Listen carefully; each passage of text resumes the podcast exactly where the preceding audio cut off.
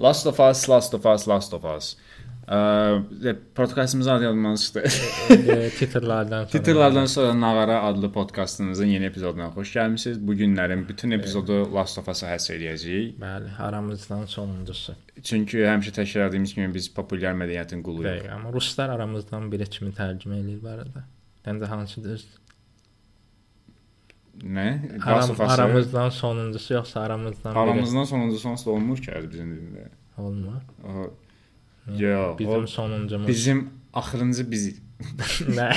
Paslen. Bizimizin axırıncısı. bir dəqiqə, bir dəqiqə, bir dəqiqə. Last of Us Aramızdan sonuncu da. bizdən sonuncu. Bizdən sonuncu. Bizdən Aramız sonuncu da. deyirəm hayır. ki, doğru? Aramızda niyə işləyir Bilmirəm. belə aralıq? Bizdən biri. Ya biz ilk 5 epizodu danışmışdıq. Endurance Survive 2 dənə qardərli qardaşın bir-birini öldürdükləri yerə qədər. Bəli. Bunu deyəndən sonra deyəcəm ki, bizdə tamamilə spoiler olacaq bu arada. Yəni bir dəqiqədə 5 bölümə dedim, baxacaqsınız. Yəni 4 bölüm. heç 5 bölümdən nəysə. Mhm. Hə, zürafə əslimiş qaqa. 6-cı bölümdən etibarən indi başlayır. 6 hansıdır bir dənə Ə, Bu yaxınlaşdırdı. 8.9 evə gəlib tapırlar. Ə, bir dənə Tommy'nin yanına gedirlər. Tommy ilə müzakirə edirlər və orada şey bölümü. You have no idea what loss is. hə, oradakı məsəl üçün o drama mənə çox ləzzətli. Mən də Və oyunla tamamilə paralel gedir. Hər nə qədər Evet. oyunu oynamamış biri olsam da sonradan E, görürəm. oyunda sadəcə bir səhnə var ki, elə at götürür, qaçır, arxasında gəlir bu bizim. Joel, sonra eyni səhnə olur. Bir dənə o da yəni. Mənim bu epizodla Amma- bağlı ən çox bəyəndiyim hissə oldu ki, ə, orada bir səhnədə şey yatır, Joel yatır belə, yatıb qalır hətta. Ellie oyanır və Aha. o watch eləyir də. o Heç Şeydə, növbədə o durur. Eynən və deyir ki, niyə nəyə görə oyatmadın? Oradakı oradan əslində bizə bir növ artıq mesaj verilirdi ki, Ellie ələ alır da öcə silahı. Yəni hadisələri əlinə alır. Okay, no pun intended. Bu o deməkdir ki, artıq inkişaf var müəyyən mənada. Bəli, elin 14 yaşı var. Nəysə. Bilirəm. Personajın 14 yaşı var. Aktrisa daha yaşlıdır. Bizdən 21 yaşlıdır deyəsən. deyək, 20 yaşı var. Nəysə. Bəli, ona görə Nə deyirdi? Hə, arada mən də 7 dənə bölümdəki oyundan daha yaxşı idi o. bir çox məqam məncə oyundan daha yaxşıdır bu arada. E, Craig Mazin çox yaxşı iş bu görüb. Şey, Tommy ilə Joel'un dialoqu var məsələn. Ha, o birbaşa oyunda yoxdur deyəsən. Yoxdur elə bir şey və Hə. birbaşa Pedro'nun özünün improvizasiyası olan dialoqlar var deyəsən. Dərdini danışdıq sən deyirsən də. Mən açıq orada o qədər dramatikləşmədim. Çünki mənə biraz çox şey gəldi. Joel'un personajına na uzaq bir hərəkətmiş kimi gəldi. Amma əslində nəzərə alsaq ki, o qədər uzun yol gediblər və qardaşı ilə görüşür və öyrənir ki, qardaşının yoldaşı var və ondan uşağı olacaq falan.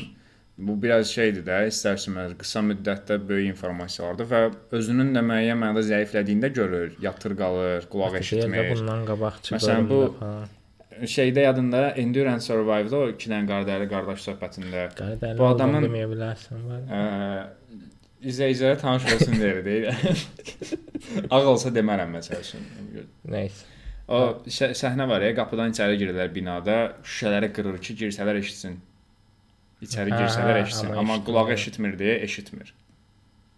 Orada bunun zibirinə keçir. Sonra Ellie ilə Ondan qabaq elə qalır. dö- döyüşmə səhnəsi olur. Eli xilas eləyir də Joel yenə. Hə, Ona görə yəni- də ağlayır. Yəni bir çox yerdə altını vura-vura gedir Joel və ona görə kədərini bölüşür. Əslində bu müəyyən mənada oyunda biz Joel'ı daha süper insan kimi görürük belə çünki biz oynayırıq. Düzdür 100 dəfə ölürük oynayanda təzədən dirilir falan amma belə Ya, onun onu interpretasiyası çox qəşəngdir. Ona malata atım. Fıç fıç o xətərdə. İlk 5 bölümdəki Joel'la növbəti 4 bölümdəki Joel çox fərqlidir. Yəni bu Həqiqətən çox dəhşət hiss olunur da. Məsələn, ilk 4-5 bölümdəki Joel bildiyin ə, 45 yaşlı, 45 deyək, hətta daha çox yaşlı belə dayı-dayı oynayır. Qızını sevən, biraz PTSD, müharibə veteranıymış kimi ortalıqda fırlanır falan. Qazi. Amma növbəti 5 bölümdə adam Terminatora çevrilir. Yəni emosiyalarını qoyur qırağa, ancaq qızı addicted olur ona. Çox sevirəm. İndi növbəti epizodda keçək onda belə başa düşürəm keçə bilərik çünki bu hissədə əslində belə çox danışacağım şey yoxdur. Növbəti epizod ə, Elinin xatirələridir. Şey. Ə, o dostun adı yadımdan çıxdı sadəcə. Mən belə başa düşürəm o tamam filler epizoddur. Aha, bir dəqiqəlik fasilə.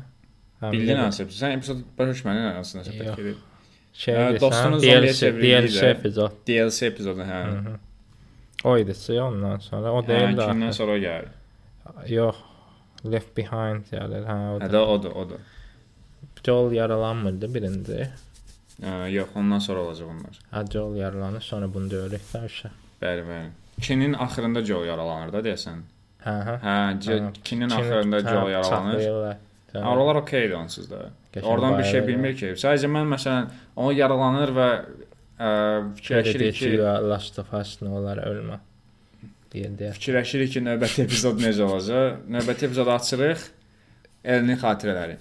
Yes. Ya DLC-dən bir epizoddur, DLC-də oyunda yəni. Yəni başa düşürəm, yəni pul qazanmaq lazımdır seriallara, ona görə belə filler epizodlara ehtiyac duyulur, amma yəni belə yerdə eləməyin də. Yəni siz niyə cliffhanger edirsiniz?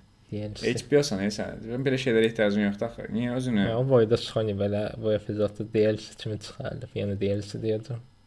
Yəni də Yəni D- literally DLC epizodu idi. Yəni nə qazandıq məsələn bu epizoddan biz? Ellinin özü ilə bağlı məsələn personajı ilə yəni bağlı. ki, iç ə, başa üstündə yəni o şey insan tərk edib Ha, tək okey. qalıb. Məsələn bu hə. belə demək olar ki, Joel oyun- tərk eləmir? oyun neçənci idi? 2013. 2013-cü ildə bu qədər LGBT və bu qədər identifikasiya normaları və s. müzakirə olunmurdu da. Amma indi məsələn bu həm irqi məsələləri, həm identifikasiya məsələlərini çox işte rahat LGBT seriala interpretasiya edə bilər. Hatta yadıma Həmişə olub LGBT məsələ deyil. oyundan da Oyunda yox idi da, yox. O, o risklərə gedə bilmirdilər. Çünki elə bir media yox idi. LGBT mediada ikinci təqdim olunmurdu birbaşa da. lesbiyan kimi vermişdilər. ha. Hə, sonradan DLC-lərdə falan gəldi onun bəki. Çünki illər keçdi, inkişaf elədi və s. Bunu ona əslində qəşəng canlayıblar, amma ki belə eləmək məcburiyyətində deyildik Həftədə də. bir çıxan bir serial üçün çox şeydir bu. Yəni hamı gözləyir bir həftə ki, olan oldu, olan oldu. Eynən. Bunu Bax, məsələn o Tominin kəndi görəndə Tominin kəndi qəşəng səliqəli kənd məhəllə düzəltmişlər özlərini. Orada bir dənə qızla bir dənə ba- baxışmalar Hə, falan eləyərdin. Bilərdik ki, hə şeydir oldu də. da. Oldu amma şey oldu da, freak mənə baxırsan, elə bir şey oldu. Amma o qız Dina idi də deyəsən. Deyəsən hə, elə bir iddialar var, Hə. amma əmin deyiləm. Mən də odur. Nəysə, çünki o qız Dina da Tominin kəndindən idi. Yəqin Hə. ki, oldu. hə. Nəysə sonra gəlir, ən, bunu boş verək. Mən də ən neçə aydır gözlədiyim bölüm When Bu- We Are in the Need. Hə, bu kannibal Beyna. rahib mükəmməl epizod idi. Yəni kinoya baxdım elə bir. Tüklərim biz biz Mən idi buna hər yerdə. baxdım. İşte məndən qabaq baxan uşaq var, getdim başa soruşdum ki, belə-belə olur haqqı dedi. Hə, getdim baxdım o da. Çox qəşəngdir. Detallar, Eynən. hekayənin özü. Bəs mən qulağı ilişdim. O qulaq niyə var idi orada? Qəfəsin yəni. Bilmirəm, yəni imin niyə qulaq saxlayırsan? Yəqin çilli. Hər şeyin təmizlənən qulağını tulla da. olub. deyə. Hə, yəqin. Tulla da. Yəni, orada niyə qulaq qulaq necə yaddan bilər? Orada qulaq var ola, yəni yemək düzəldilən yerdə balaca bir qızı qoyduğun yerdə qulaq qoyublar Elə necə görsün. Görməməli idi də onsuz da onu. Hə. Palit eləmirdi İndi bu. fikirləşməyiblər də kimsə girər falan. Qulaq. Abi, Ya, adam niyə insan qulaq ayağı da- qoydu ora? Niyə qulaq? Ayağı yeyiblər də. Qulaq yəqin çox göbələkli falan olub yeyiblər. Orada kəndin əhalisi, kənd deyəndə yəni bu kultun İcma, əhalisi fərqində idi ki, adam yeyirlər. yox. Dedi ki, biz gizli saxlayırıq. Ha, bilmirdilər də. 3-4 nəfər biləcək. Hə, sən bu barədə nə fikirləşirsən? Adam yemək olar elə vəziyyətlərdə. Nə? Ə, adam yemək olar deyirəm elə vəziyyətlərdə. Hmm, şey məşhur. Çox Samolyotla fikirləşdin mi? qəzaya düşəndə Ə, həmişə elə birini yeyirlər. Bu sualı boş yerə vermədim. İminni belə vəziyyətlərdə Kimsə yemək. Belə vəziyyətlərdə insanların kannibalizmə getməsindən bağlı falan bir dənə qəşəng serial var, Terror. Ə, Hə, birinci sezonuna baxmaq kafidir. Danışmışam. Söhbət- buzlaqda məhsur qalan bir dənə ingilis hərbi gəmisindən gedir. Orada başına insanların başına gələnlər və ən son elədikləri və s. və axır. Orada da belə mövzular var və çox qəşəng işləyiblər. Burada bir epizoddan orada ə, serialın müəyyən bir hissəsi bununla bağlıdır. Sən adam yeyərsən. Mən mən yemərəm yox. Yəni o halda mən ümumiyyətlə şeyi görmürəm. E. İştahın olmadı. Ümumiyyətlə hər şey bitib sonsuz da dirəşməyin nə mənası var? e? Yəni Məntiqli. Maral deyirlər də. sal da var. Bir də o boyda Alyaskada nə oldu? Sən Alyaskada o meşəlik dovşanlar, moşanlar var hər yerdə. Yəni. Joel'la balaca qız Balaca qız maral vurur siz. siz adam yeyirsiniz. O o şeyin deyirlər. Joel girəyən var orada 4-5 dənə Ha. Belə elə bir qaqam qəssabdır, Eynən. falan. Heç kimsə palit eləməyin də. Bir dənə Joel orada Ellinin sumkasını görür. Dəli olur. ha. Elə bir ki, hə, onu da yeyəcəklər. Oyunda şeydir. E, Joel'un elini qucaqlama səhnəsi şeydən baş. Eli öldürür, öldürür. Öldürdüyü yerdə saxlayır. Hə. Kombatın ortasında elə bir tam saxlayır. Ha. Bəsdi, bəsdi öldü. Belə daha yaxşı oldu Mən məncə. də çünki bina yanırdı birincisi. Hə. bir də ki, üzərindən biraz keçsə də Yəni, elə daha belə Joel görür, zadı idi. görür, başı düşür falan. hmm, Baby Joel səhnəsini çox gözləyirdim, o da gəlmişdi. çox şirin səhnə idi. Hmm, Baby Joel. Ə, Bir də Joel'un ondan əvvəl adam xəstə-xəstə Vardı. 4-5 nəfəri məhv elədi. Wow, Terminator'da. Yəni birdən-birə Terminatora çevirdi. Bella Ramsey'in aktrisalığı bu arada o Mükəmməldir. mükəmməl idi, o Top notch. Yəni adam öldü çox emosionaldır. o boyda söz dedilər, yəni personaja oxşamır. Ə, Eynən. elə belə falan filan qəşəng deyil. Qəşəng deyil söhbətlərə Qəşəng baxışım. deyil. Bizdə də oldu. Mən. Kanada ki, gözləmirdim. Biri yazmışdı. Kinə günə qoyublar Allah elini Bu yazıb. qız nəyə oxşuyur belə? Qardaş 14 yaşı var. nə- qəşəng olmağını istəsən, yəni belə suala cavab verə bilərsən ya. Mükəmməl aktrisalar eləyib. Konkret dərs keçirir. Arada a şey oradakı e, qəssabın dostu var, qəssab dediyim. Rahibin. Ha. Hə.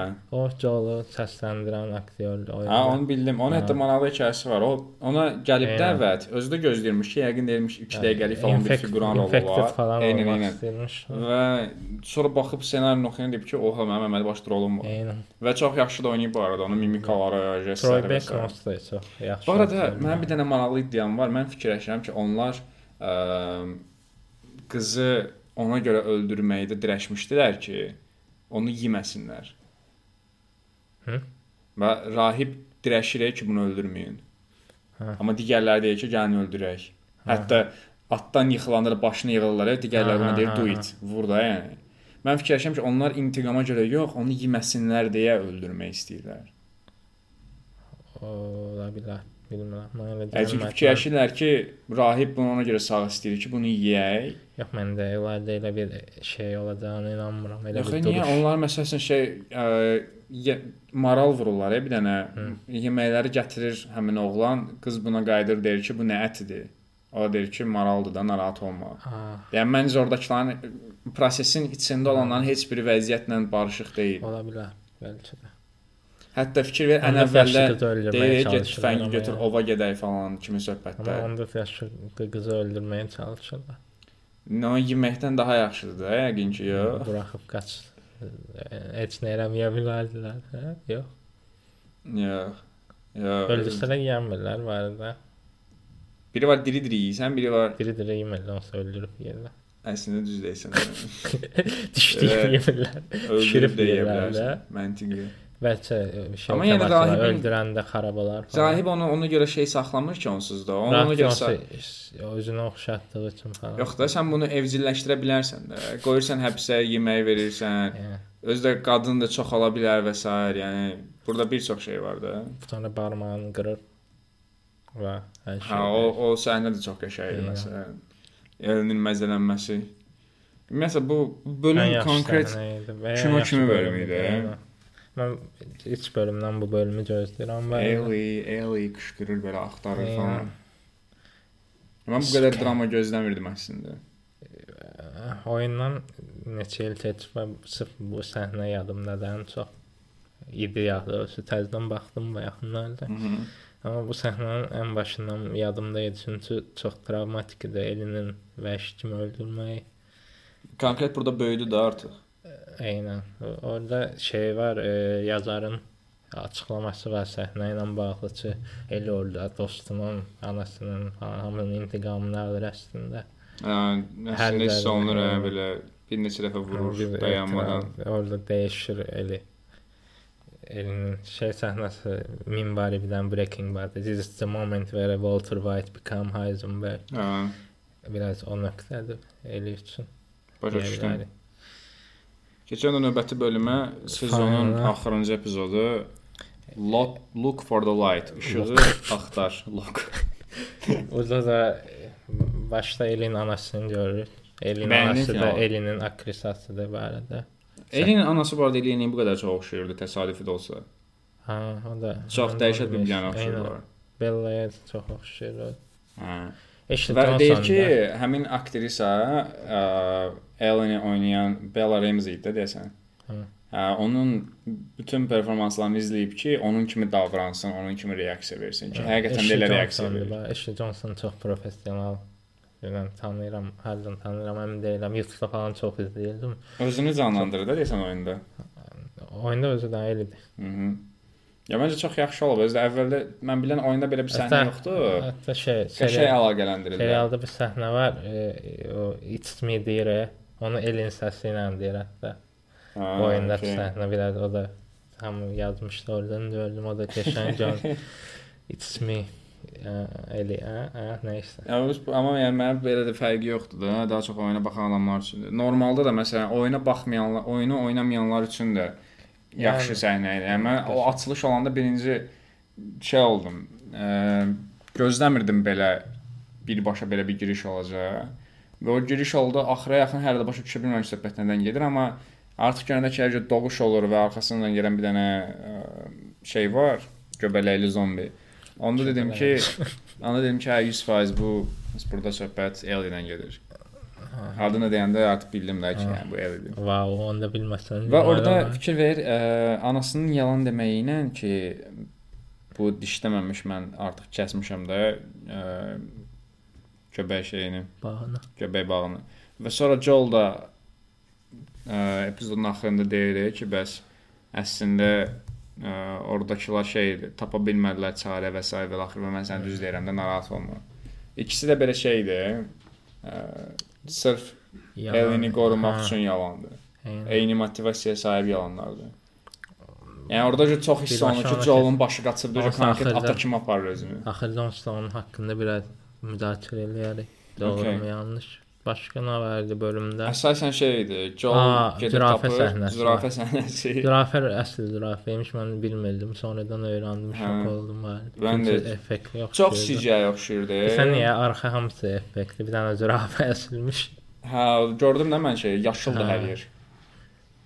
Ona görə Yəni çox şey görünür. Amma çox qəşəng səhnə idi, belə çox belə rahat. dili falan, mən də deyirdim onu qəşəng deyil. Çünki bu fikir verirsən, çox ağır komikslərdə, animelərdə, kinolarda falan bir dənə komedik karakter olur ki, komedik relief olsun da ortada. Sən çox ağır temalara qulaq asırsan və yaxud da ki baxırsan, adam uje sıxılır da verir, istər-istəməz. Sonra bir dənə belə fasilə bambulu bir dənə personaj gəlir, bir dənə bambıllıq edir və deyirsən ha ha iyi, sonra görürsən ki, bunun səndə əvvəllər nəslin kökünü falan hamısı qırılıbmış. Yəni Burada da məsələn elə bir şeydir də, Mən- axırdakı o travmatik bütün xəstəxanadakı fireflyların ölümündən əvvəl 3 dənə zürafə gördük. Bir də şey var, zarafat kitabı təməssü var var. Hə, o da məsələn komedi relief. Hə, durduq yerdə bir dənə zarafata baxaq. O Aha. oyunda da elədi belə knopkanı bassan zarafat etsən 100 zarafat eləyəndə sənə kubok verir belə. Meanwhile qıraqda zombilər insanları cırıq-cırıq eləyir də belə. Ha ha. Bir də bomba atdılar ya. İki nəfərdir, biri balaca qızdır, biri də də daydaydı da. Bomba atıb bir də vurur neyinsə. Əlində nə qədər silahlar falan var sənin. Yəni adam Amma o xəstəxana, yəni orada bir dənə məntiqsizlik var idi da. Bax sən bomba atırıb adamı e, zərərsizləşdiribsən, qorxursan ki, bu Joeldur da, bizim hamımızı parçalaya bilər. Sonra 2 nəfər bunun arxasınca gəlib belə normalmış kimi hər şey bu yola Hə. salanda da. Hə. Yəni belə yola salırlar. Tupoysuz siz. Adam ölkəni gəzib gəlib çatıb e bura. Eynən çox. Özün deyirsən ki, mən bura gələndə ordunun yarısını itirdim. İndi deyə hörmət eləyirlər də indi. Eləmədi amma belə hörmət eləyirlər. Sən baş Elə işləyir. dayanmadan dayananda şübhələnmədilər görsən. Hmm. Hə, adam hər yerə baxa-baxa gedir belə. Hım, görəsən mən Hə. burada nəyə götürüm bunun başına şey, çırpırım. arkadaş əsər şeydə. Mən oyun oynamışam öldürdü. Arkada əsər elədisə zor olardı. Hə. Oyunu oynamışdım qaçça. Ya mən açığı çox adam bəyənib final Yəni kimsə oyunda kim ol. Mən o şeyi çox tuta bilmədim. Yəni orada xəstəxanadan ə, Ellen-i xilas etməyi belə motivasiyasını falan başa düşürəm. Onlar çox maraqlıdır əslində. Nəyi başa düşürəm? implementasiyanın özünü bəyənmədim. Yəni Hə, necə elədi? takka tak tam soyuqqanlı formada hamını öldürmək. Okay, indi başa düşdüm. Joel vəhşiləşib döyüşmələrdə. 20 yaşlarında, 30 yaşlarında falan çox belə vəhşi kim olub falan. İndi mən təsəvvür edirəm ki, bu apokalipsin ilkin vaxtlarında nələr edib də indi təsəvvür qardaşı ilə bir yerdə. Oradakılar da şeydir, amma təcrübəsi komanda, Firefly-lar hamısı ölüb. Əldə yeyib. Ölüb amma orada sağ qalanlar şeydir də. O onlar da Joel kimi bütün Amerikanı gəzib gəliblər ora. İnanmıram. Necə göydən düşüb spawn olublar. Onlar da Oradan gəlib. buradan tapdılar da yetim uşaqları səndə heç biri döyüş görməyiblər, birinin də fədərlərinə silah alıb və təsəvvür xəstəxanadasan ins- Joel'dur yəni üstünə yəni zombi olsa yenə bilərsən də kimi vururuq falan. Bir dənə orada şey bəyəndim. Həkimin vurduğu səhnə. O orada mən bilirdim ki, adam başı qaçıb. Orada tam aydın hiss olundu ki, Onda biraz bizi həkimi adam protagonistdən antagonistə çevrildi də son epizodda. həkimi yadda yəni. saxla bu arada. Həkimi yadımda saxlayım. Hı -hı, lazım. Başından vurduğunu. Hə, lazım olacaq. Niyə belə bir monster yadımdaydı da. Yəni niyə belə lazım eləmədən şay spoiler verdin ki? Nə spoiler verdim. Verdin də uje. Vermədim. Göstərdim yadında saxla. Nəysə saxlayıram yəni çox sağ Qəşəng ol. ölmüşdü çünki. Ha, oyunda həkimin adına qoyurdular. Minnətdaram. Üstünü yandırırdıq falan. Nəysə. Hə, məsələn mən oyunu oynasam, bilirəm ki, ə, Hə. Joel'un yerində olsam və birinci dəfə eşitsəm ki, elini, beynini əməliyyat eləyirlər. Mən özüm də məsələn bütün xəstəxananı parça-parça eləyərəm və məsələ deyil. Ya da beynindən çıxartmaq istəyirlər də deyəsən. Hə. Mən də məsəl üçün beynim çönər və deyərəm ki, kimsin nətər yəni, hə, Adam məsələsiz. 14 yaşındakı qızını itirib. Yəni içində feyt. Hə, yəni mən də hamını parça-parça eləyirəm. Amma faktiki bu düz deyil də. Yalan deməzdin də heç olmasa. Bilir deyərdin ki, səni məhv eləyəcəkdilər. Ən azından seçimi ya da özü eləyərdi falan, nə bilim. e. Axırda deyir ya onsuz da o qadın ki, bəs qoy seçimin seçimini özü eləsin. Onun buna haqqı var. Hə, onsuz biz biz səni bilirsə seçmə eləsə elə deyir ki, mən ölmək istəyirəm. Hə, orada ki, müəyyən mənada Joel şey elədi də, qorxdu. Atası deyil. Qız nə bilir, atası qərar verməli. Hə. Bir də 14 yaşı var. 14 Yetişkin yaşında bura qərar yəni özü seçim eləyə bilməz falan. Niyə seçmir? Elə qəşəng seçiblər. bir dənə də şey var. Onsuz da olan olub yəni qiyamətdir yəni. Okay, bir də belə deyək də. Nə bundan sonra nə Ya düzələcək? belə deyək, sən seçim olaraq nə deyərdin? Beynin əməliyyat olunmasına razı olardın yoxsa Yox, təbii ki. Yox. O nətər egoist bir Neynirəm o sam da. Apokalipsdə yaşayırıq. Bir də 5-6 nəfəri xilas eləyəcəklərmiş. Heç Hə, bilmirəm. apokalipsin İşləyəcəyinə belə garanti yoxdur. yəni. apokalipsis yoxa çıxsın deyə vardı. Onsuz da Yox, bu. çıxacaq mən yaşamayacağam onu. Yəni o- 15 il sonra kimisə 5-6 Joel'un da əslində perspektivi o idi. Ki, üzə öləcək az qalıb qoca kişidir. E, Uşağını da itirsin. Heç olmasa biraz özü yaşasın da. Onsuz on və bi- bilinmir, e, garantisi də yoxdur. Yəni zəmanət çağı yoxdur. E, Oyunda vaksin deyirlər bu arada. Burada heç vaksin də yox, şey deyil. Burada heç söhbət edə bilmirlər ki, ala adamlar ağzını açanda ağzından vurdu Yox, yəni görmədik. deyir ki, vaksin düzəldəcək. Burada deyir ki, o nə çıxartdıqlarını çoxaldıb hamıya çoxacaqlar. Hə, vaksin demir. Vaksin söhbət, a, onda burada nəsə politik bir şey var. Vaksin söhbətinə girişmişdən mən. Nəysə, mən onu demək istəmirəm. Söhbət də fırlatma, egoist, ona Mən təyən. egoist, egoist olmaq. Demirəm, düzdür, səhvdir demirəm. Hostet ki, mən olsam onu da eləyərdim. Egoist olmaq pisdir. Joel'un yerində olsan, yoxsa Ellen'in yerində olsan? Elin yerində deyil. Niyə oluram elə? Deyirəm ki, mən cümləyə necə başlayım? Deyirəm ki, Ellen'in yerində olsan, seçim olaraq razılaşardın Hə, beyninin əməliyyat olunmasına. Elə mən Joel olaraq düşündüm. Dəqiqə. Aa, bax, sən onsuz da nə atan var, nə anan var. Bir dənə Joel var. Sən uşaq vaxtı ilk dəfə öpüşdüyün sevgilini zombi olub və onu sən Elə, öldürübsən. olsa niyyət biraz Sən da- təcavüz edən rahib, təcavüz etməyə cəhd edən rahiblər olub, səni yemək istəyən adamlar olub, nə qədər hadisələr görübsən və s. Bütün Amerikanın bu yandan West Coast-dan East Coast-a, East Coast-dan West Coast-a gezib gedibsən və ən sonunda gəlibsən belə deyirlər ki, hə, prosta bir pis tərəf var ki, sənin ölmə ehtimalın var və sən deyirsən ki, yox. Adam o boyda bütün motivasiyası odur ki, bəs Joel bunun bir səbəbi olmalıdır. O zürafə səhnəsində də söhbət edirlər. Deyir ki, bəs getməyin nətər yəni getməyə bilərik. elində heç elin yerinə qoymadım. Mən Heç Ellen 14 deyirəm. yaşım yox. Mən də məsələn Joel'un yerində olsam hamını orada parçalayardım yəni. Elin, elin, elin onsuz da razı idi. Təsəvvür eləyəmmərəm ki, ala mənim qızım yerinə qoyduğum adam orada o boyda yol gəlibsən, qoruya yəni qoruya. də. O boyda yol gəlsən ki, qızın beyninə aparır. 3 dənə Yeah. əl silah tuta bilməyən adam, Yəni, qıza bomba atan adamlar yəni da. qız əməliyyat Nə eləyirlər. var, nə var 10-15 nəfər sağ qalacaq apokalipsdə. Sağ qalsa nə edəcək? Amerika yaradacaqsınız yenə. Yaratmayın. Açığı da, göy olanda nə nə nə. Oldunuz nə ediniz? Axırını deyək. Sən bayaq xanım dedin nəyisə müzakirə edəcək. Biz tamam fərqli şey müzakirə onu edirik. eləyəcək. Joel'un elədiyi düzdürmü yoxsa səhvmi? Hə, okey. Mən məncə səhvdir, obyektiv olaraq baxsaq. Mən də düz. Mən orada olsam eləyərdimmi? Eləyərdim eynisini. Yəni o səhvi Ya. bilərəkdən eləyərdim də. başqa seçimi yoxdur. E, Nə qədər olar e, drama, nə qədər olar yaxşı hərəkət eləmək falan. Yəni niyə Joel Bir niyə yerdə Joel niyə elini qurban versin? Elə istəyir deyə. Nəsə hə, amma Hə, mən də elə o istəyirəm. orada onsuz şərait yaratmadı ki, elm bilməyinə. Adam necəsə həll Bir elədi də də. düşünmək üçün vaxtı da yoxdur deyə. Mən fikirləşirdim ki, Eli ə, ücə aşağıda qadını öldürəndə Joel şey idi, ə, fərqində idi onun. Sən demə həqiqətən yatırmış. Hə, əslində fərqində olsaydı hadisələrin bəs olar, çünki axırda sual verir ki, mənə həqiqətən söz ver. Bu fərqində deyil. Deyil. Yəni ən azından elə şübhələnir, şübhələnməyəni tamam yenə də and aydındırsa. Hə, and içirdiyə deyəcəkdin, yalandan and içmək. Ora çox sürətli oldu belə hər şey. Biraz sürətli oldu. Hə. Hə. Xəstəxana səhnəsi çox sürətli. Amma belə fikirləşirəm, onsuz da orada əlavə bir epizod olsa nə olacaq? Uzağı atışma səhnəsi çox olacaqdı yəni. Aa, atışma səhnəsi demişkən, serialda şiddətin və zorakılığın əksikliyi barədə nə fikirləşsən? Aks aksiyon olmaması Zombi barədə. olmamağı ilə. Çox hə, action olmaması mən Action ən son Kathleen-də gördük onsuz da bundan əvvəl. mən action oyundan az olmasını başa düşürəm çünki oyun deyil bu, yəni. Oyunda olması məntiqi. çox olmalıdır Amma çünki bu apokalipsis serialdır və zombilərlə bağlıdır. zombilər əsas düşmənimiz heç yox, zombilər olmayıb da, amma əsas düşmən Əsas insanlar o. insanlardır. Eynən, ya temada biraz. Zombiləri Ya, gördük. biraz, biraz biraz çox olsaydı. Başda zombi daha çox idi. Yəni, burada mənim narahat olduğum mövzu bilsən nədir? Çox normalmış kimi gəzdirdilər ya hər yeri. hə, 30 il keçibdi üstündən. Elə keçməmişdi. 2023-dən neçə Yox, il məsələn şey yadında birinci epizodda ya da 2-də idi deyəsən, QZ-dən, yəni karantina zonasından çıxanda şey olurlar. Çıxdıq, bizi hər cür zizbil gözləyir falan. Şəhərlər 8 epizodda heç nə olmadı. Çünki insan olan yerlərdə çox olur da zombilər. Çünki insandan çevriliblər axı. Meşələrdə niyə zombi çox olsun?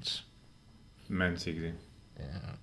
Belə. Var da oyunda mən çox zombi. Şəhərlər də var idi da. Məsələn bu zürafə olan yerdə 20 dənə binaya girdilər. zombi yox idi orada. Ya. Yox idi. Mən görmüşdüm. Firefly-larda qırğın tutub, Və tutub, tutub, tutub, öldürür. hamı bir-birini güllələdi falan. Bir dənə zombi çıxmadı ortalığa. Orada şəhər idi də. Orasını dedi ki, buranı bombalayıblar. Oranı təmizləyiblər. bombalayıblar. Amma okey, yəni olardı da bir, bir iki dənə nə oldu İki da? dənə həkimi öldürmədi bu arada. Onu da yadıma düşdü. Hə, bir dənə kimi öldürür. Hə. Qalan iki dənə qız öldürür. Vardı başqa seçim qoymur belə öldür bunları. şey o çox qəşəng editləri var. Catelyn-də, Vardı 2003-də ə, 15 Catelyn öldüyü epizod var idi. Catelyn kimdir? Biri var idi, bir dənə şəhərdə insanlar, qardaşı var idi bunun.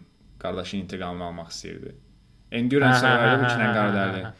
Ə, Orada Catelyn öldüyü epizoddakı action zombilər çıxırlar ya Ha. belə birdən. Onun kimi bir şey görərdik də. Eynən biraz zombi ola bilər. O, Məsələn zombi o olsa yadımda nə necə olacaq? böyük bir şeydi. Mən onu görəndə şokdaydım ki, ay bilim burada nələr baş verir. Məsələn zombinin hekayəni də əlavə eləyəcək sənə. İndi o jurnal Hekayə problemidir. gedir, özləri bir dənə zombi və öldürdülər. yəni Yəni zombi çıxsa da öləcəkdi də. Zombini öldürüb tamam eləyəcəkdilər. Ya, şey ola bilərdi, məsələn, Ola bilər. Ay az qala öldürülmüş. Hə, onda mən ha. belə başa düşürəm ki, ikinci sezonda da Tommy'nin kəndi olacaq elə. Hə, hə, Tomun kəndinə gəlir. Mən istəyirdim ki, oranı zombilər tutsun. Burada şey dedilər, ikinci oyunu 2 No sezona böləcəklər. Hə, okay. Mən demirəm qaqaşlar dedi. Ə, indi okay. Keçək təxminlərimizə. Sən ikinci oyunu oynayıbsan? Baxmışam. ha. Baxıbsan. Təxmin eləyim. Təxminlərim odur ki, yox, sən təxmin e, demə, mən deyəcəm təxmin. Mən əslində bir iki dənə fikrim var. Bütün bu ikinci oyun mən də mübahisəlidir hekayəsi. İnsanların çoxu bəyənmir də, mübahisəli demək, çoxu bəyənmir. Okay. No, poker face olacam, vardı mənə baxmışam. Hə, okay. Yox, bu faktdır da, bu Yəni, məsən ki, yəni hekayəni bilmirəm, olsa çox adam bəyənmir. Yəni yarısı bəyənir, yarısı bəyənmir deyə. Hə, mübahisəlidir də, bunu mübahisəli deyirlər. Okay. Ola bilər ki, məsəl üçün Craig Mazin desin ki, birinci e, sezon hekayəsini part 1-i Sən- insanlar bəyənir, part 2-ni bəyənmir. Bəlkə part 2-ni biraz Yox, dəyişək. bax, partçını hekayəsini bəyənirlər əslində. Bəyənmədikləri şey sıralama biraz səhv olurmuş kimidir. Onu düzəldə bilərlər. E, Hekayen zordur. Prosta işləyişində problem var. Orada bəzi temalar var. E, tam oyun oyunçu ilə arasında bağ qurmaq temaları var biraz. Yəni oyunla Ümumi hekayə, ümumi hekayənin İndi sən çox pozitiv danışırsan. Bir iki nəfər gördüm, literally bir sən nə deyir? Hə, Deyir mən- ki, mən baxmayacağam ikinci sezona. bilirəm Deyirlər ki, bitdi artıq mənim üçün Last of Us falan. Onlar da şeydən hə- həmişə gördüyümüz şeyi görməyib də prosta. Mən də çox cəsur addımlar var içində də. Prosta daha heç fikirlər zordur. İşləyişdə problem var idi. Onu da düzəldəcəklər. Düz eləyibsən amma yaxşı eləmirsən. Eynən elə bir Bəs bu ehtimala inanırsan ki, ikinci sezonda ola bilsin ssenarinin xətti dəyişdi. təbii ki dəyişə bilər, amma inan, mən də bəyənilən dəyişməyəcəklər çünki mən də dəyişməklər yaxşıdır var da. Mən bəyənirəm. Yəni mən sən başa düşdüm, mən sən onsuz mövqeyini Dəyişəcəklər yoxsa yox? Sən o yaxşı pozitiv əlli tərəfindəsən. İnanmıram dəyişsinlər. Başqa nə eləyə bilərlər onu bilmirəm çünki. Çünki mən belə fikirləşirəm ki, serialın bu dəqiqə Sən biri heç dəyişmədilər deyə. Yəni demək, yəni Əlavələr elədilər məsələn. elədilər, amma dəyişmədi. Əlavə yenə eləməlidirlər var da, yəqin ki eləyəcəklər. Aha. Yeni personajlar. Və deyəsən dedi ki, daha çox şey olacaq, ə, aksiyon olacaq. Oyunda da elədi. Oyunda elədi. 2 2 də çox. Sən çünki bu Deyil deyəsən 4 dənə növü var idi də. Birinci, ikinci, üçüncü, Last of dördüncü. oyunun ikisi var da Metascore-dan 95 falan almış oyundur. Okay. Prosta niyə görə? Yəni oynanış olaraq texnik Bildim, tərəfdən. bildim, bildim. Oyun kimi də, yəni bir oyun, yəni, oyun game design olaraq. Yəni hekayəsi də iki yerə bölünüb çox Onun 2 sezon 2 hissəyə bölünməsindən də başa düşürsən ki, a nəsə dəyişirlər. Part 2-lərdən həmişə qorxuram. Yəni məsələn Dune da mənim böyük qorxumdur bu dəqiqə. Part 2 orada 7 il sonra çıxmışdı bu arada. ya. Təsəvvür elə. 2020-də. Hə. A, təzəcə çıxmışlar düz deyirsən əslində. Mahnı oxumağı ilə başlayır şeyin. Ə, nə qədər YouTube-da YouTube-larda nə qədər adam məzələnirdi, digərləri şey falan ağzına gələn deyirdi falan belə. Təsəvvür elə bu da 7 il sonra çıxır. Ya bu yəqin gələn çıxacaq. Gələn il başlayarlar yəqin o. okay, başa düşdüm. İndi eləm golf oynayanlar çoxlu. Bəs bir şeydən danışacağıq HBO-nun uğurlarından. HBO keçən il ən çox izlənilən serial House of the Dragon, bu il artıq ən çox izlənilən serial Last of Us. Hamısı 8 HBO. deyəsən. Mhm. Çox. Özdə Lo- Last of Us ən sonuncu bölümü ilə House of the Dragon-ı keçdi. Hələ şey var bir dənə bölüm, e, Super Bowl-a düşən bölüm lap çoxdur. Personal saymırlar çünki Super Bowl-da. Hə, hə. Yəni bu 8.3 HBO-nun elədikləri çox dəhşət deyil. HBO desən Warner Bros-un idi da onsuz da. əmin deyiləm. Mən bilən elə olmalıdır. Çünki HBO-nun orada bir dənə fərq var.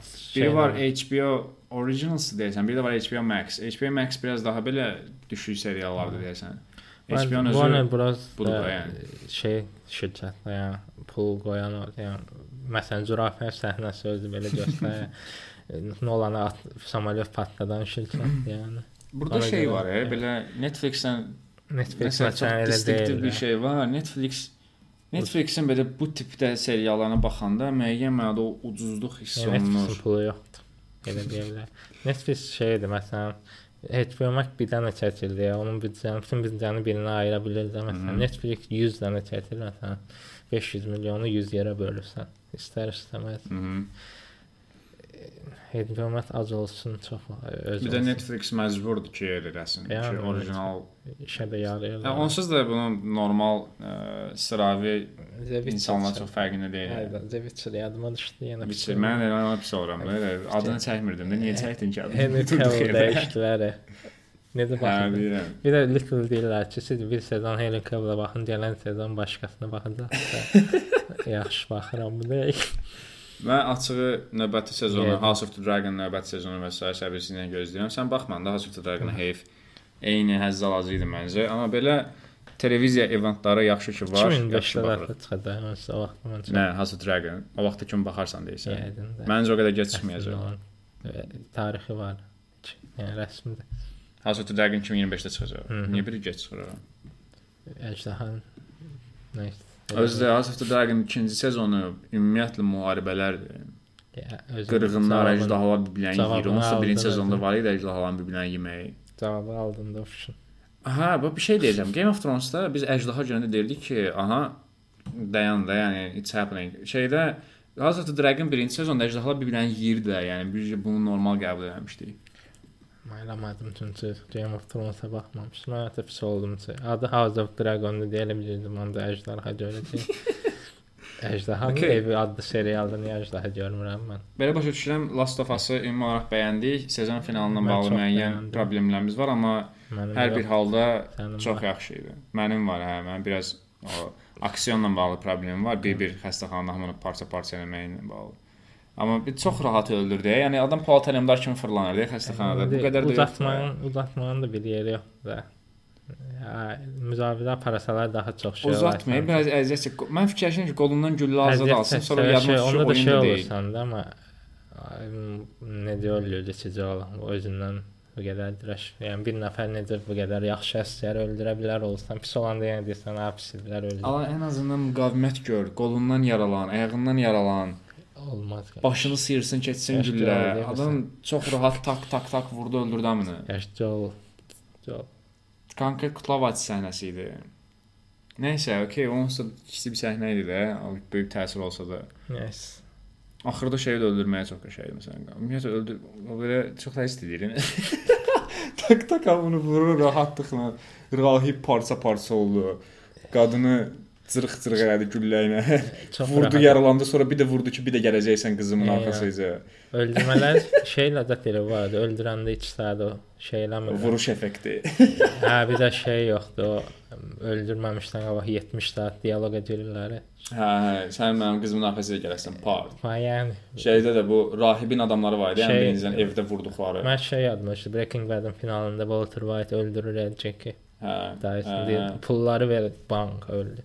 Çox rahatmış kimi. Eyvə. Dünən mənim şeyə baxırdım. Call of Duty Modern Warfare bu ən son çıxan yox, ondan əvvəlki.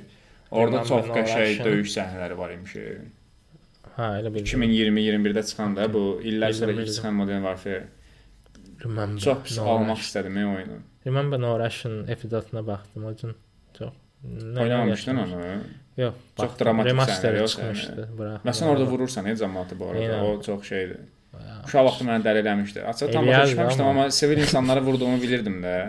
Özdə mən orada təkrar düşmüşdüm. Birinci deyirdim ki, bir dəqiqə mən bunları vurmaq məcburiyyətində deyiləm də yəqin ki. Sonra görürəm ki, missiya mənə deyir ki, vurmalıyam. Vurmayanda olur deyə. Amma Yo, mən bilən vurmalısan. Ola bilər bəlkə elə yadım. Amerika, e, Almaniyada zətdə o bölümü sanıram. Sonradan ona skript əlavə elədilər. Çox yerdə var. Bax indi bu təzə çıxan Modern Warfare baxırdım ikinci il əvvəlkidə. Orada elə səhnələr var. Terroristlərin yuvalarına gedirlər. Orada da onlar ailələri ilə falan yaşayırlar. Belə task force kimi Aa, xüsusi şey, əməliyyatdı yaşıl şeylə də ə, qaranlıq Ha, ultraray işıqlar Təzə falan çıxandan ondan bir yerdə. baxdın. Təzə çıxandan danışdın. yox? Təzə çıxandan əvvəlki də Ghost Təzə olmayan. çıxanda da şey var, qundaqda körpə var belə. Hə, bomba atma challenge eli. Eynən. Yəni Bomba atanda oyun qurtarır çox var. dəyişən səhnələr var. E. Öldürmək olmazmış. Öldürmək olmaz yəni. Anlamın bir də şey. Basketbol challenge eli. şey var, e, uşağa bomba atma şey, idi? Speedrun'ı var. Oyda. Oha. Bu Modern Modern test edir, Warfare atır oyunu qurtarır. bu şutur oynanan inselləri çox. Bomba yox vardı, flash atırlar. Last of Us-ın inselləri yəqin bu Elni bəyənməyənlər orada uşağa bomba atırlar böyük ehtimalla. Yəni də. Call of Duty insel oyun olub demişə də. Mən bəli, razıyam. Çox sərt oldu. Nəysə. Yo, mən razıyam. Tərəfləri 40 dəqiqə oldu. Okay, um, Last of Us-ı izləməyib 40 dəqiqə onsuz qulaq asıbsınızsa məncə yenə də baxar. bir epizoda baxardınız artıq. Açıldı 40 Ə, dəqiqə. bizi dinlədiyinizə görə çox sağ olun. Minnətdarıq növbəti epizodlarda görüşənədək. Nəsə son sözüm var. Eh, Ciao. Magari.